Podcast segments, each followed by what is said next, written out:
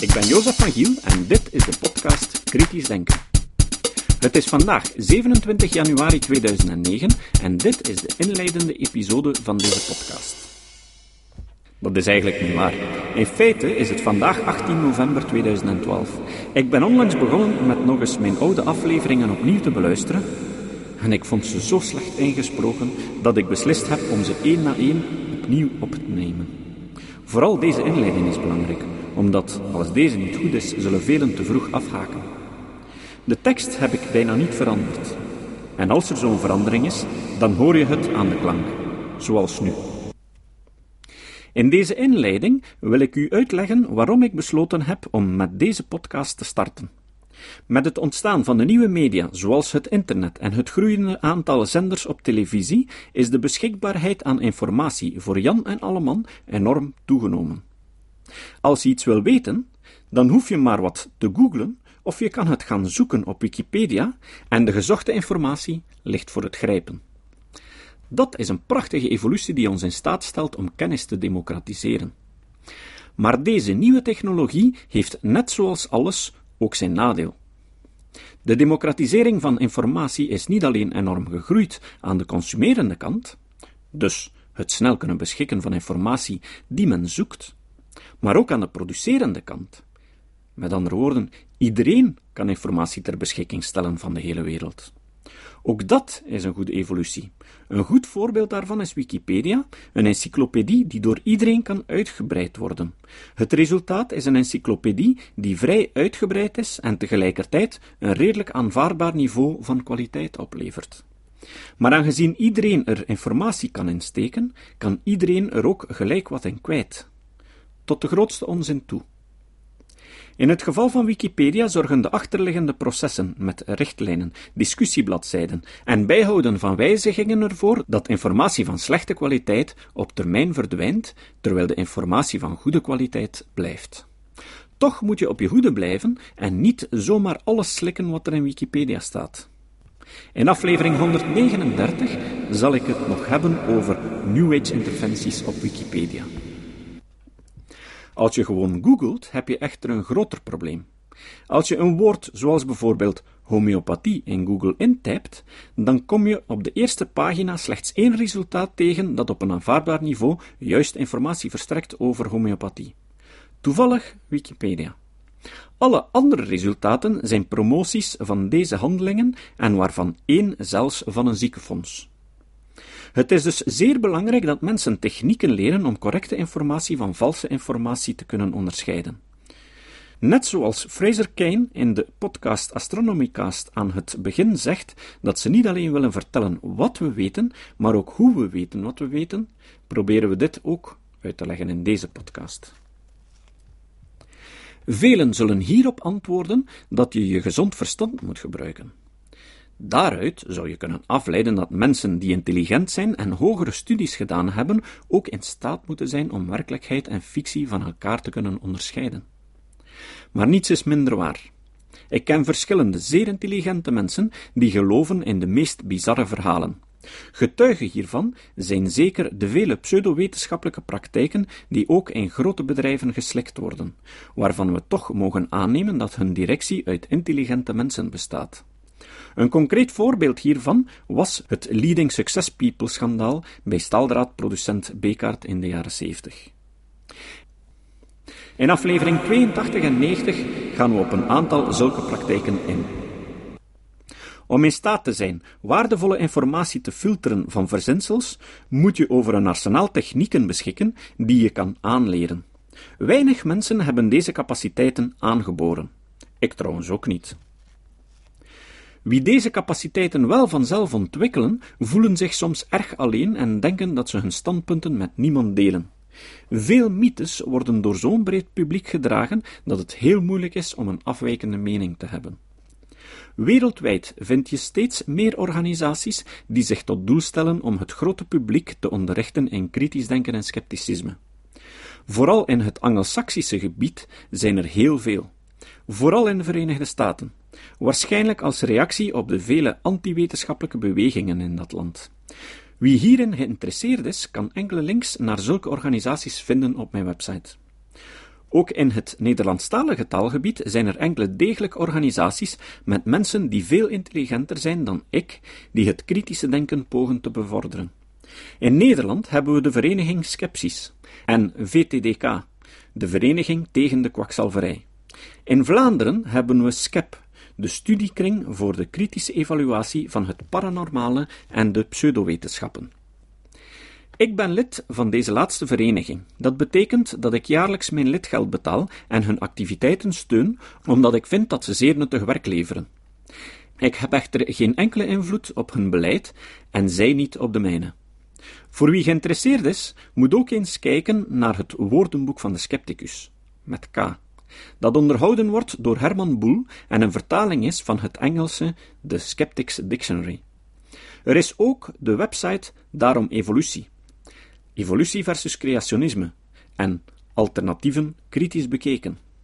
In deze podcast zal ik dikwijls materiaal gebruiken van verschillende van de bronnen die ik net vermeldde en vertalingen uit Engelse bronnen. Maar als er al zoveel sceptische websites zijn, waarom moet ik er dan, dan nog een aan toevoegen?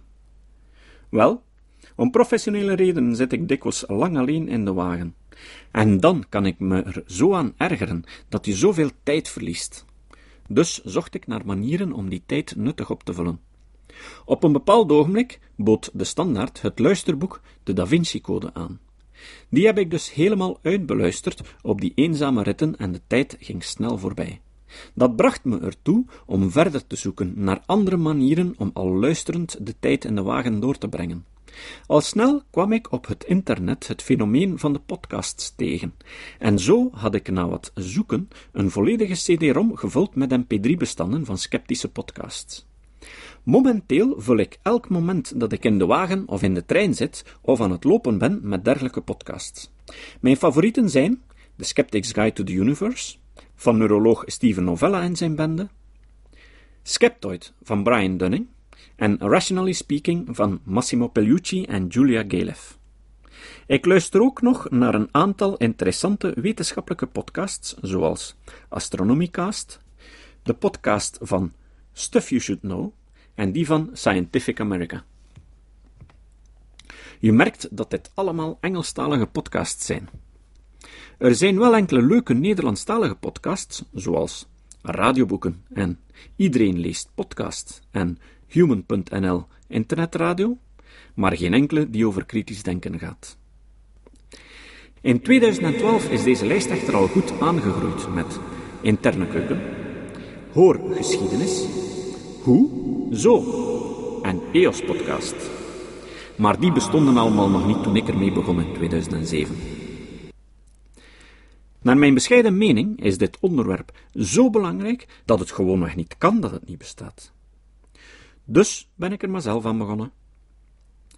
Ik zal klein beginnen en mogelijk maak ik in het begin slechts één aflevering per maand. Als het goed gaat, zal het mogelijk verhogen naar twee of zelfs een wekelijkse aflevering.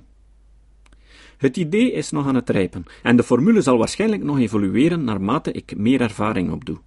Maar ik heb al hopen ideeën om minstens een heel jaar te vullen.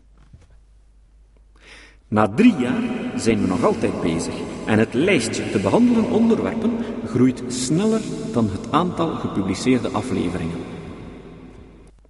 In de eerste tien afleveringen zal ik de fundamenten van het kritisch denken leggen. Op basis van een tekst van Steven Novella zal ik uitleggen hoe je denkfouten kan identificeren. Deze eerste reeks podcasts zullen gaan over logische misvattingen of drogredenen. Na die reeks zal ik een aantal alternatieve geneeswijzen bespreken waarbij homeopathie helemaal vooraan in mijn lijstje staat. Het is door de homeopathie dat ik in de wereld van de sceptici ben verzeild geraakt, en het is dus mijn lievelingsthema. Het komt dan aan bod in aflevering 11 en 12. Er komt zeker minstens één aflevering over waarom het in deze tijd zinloos is om in welke godsdienst dan ook te geloven. Ik ga zeker het verband bespreken tussen godsdienst en moraal, en ook het creationisme komt aan bod. Op dit moment heb ik ook het idee om elke aflevering af te sluiten met een citaat die ik zal toelichten.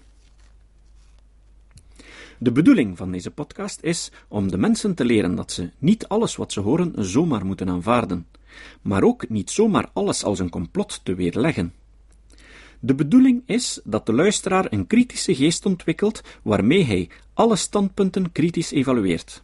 En in de eerste plaats zijn eigen standpunten. Maar ook deze podcast moet je met een kritische geest benaderen. En ik zal altijd dankbaar zijn voor reacties. Ik heb de waarheid niet in pacht. Ik hoop vooral dat ik de luisteraar aanzet om na te denken. Hoewel ik zoveel mogelijk moeite zal doen om mijn bronnen en informatie die ik gebruik voor deze podcast zorgvuldig te evalueren, mag je er zeker van zijn dat ik fouten zal maken. En eigenlijk is dat misschien zelfs de belangrijkste les die ik zou willen brengen.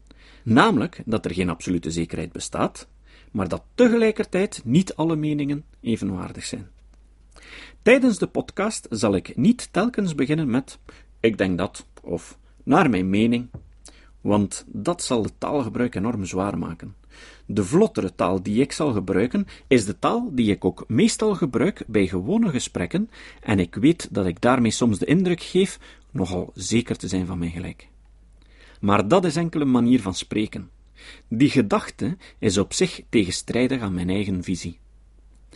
Toen dit idee begon, dacht ik eraan om reeksen te maken waarbij ik een duidelijk onderscheid maak tussen zaken die op harde wetenschappelijke feiten gebaseerd zijn en aan de andere kant zaken die mijn eigen mening zijn.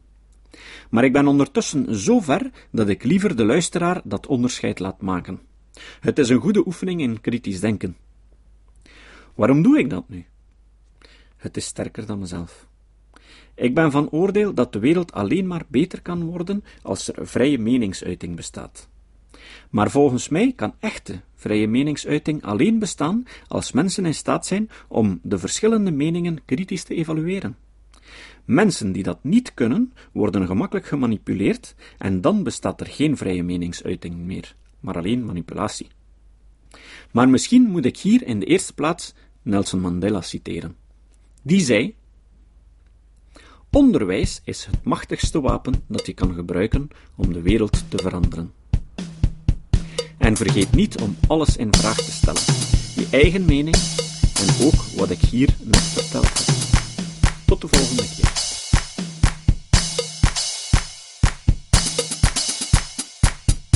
Dit was de podcast Kritisch Denken. Voor meer informatie en voor de tekst van deze podcast kan je terecht op mijn website surf.to schuine streep kritisch denken. Tot de volgende keer.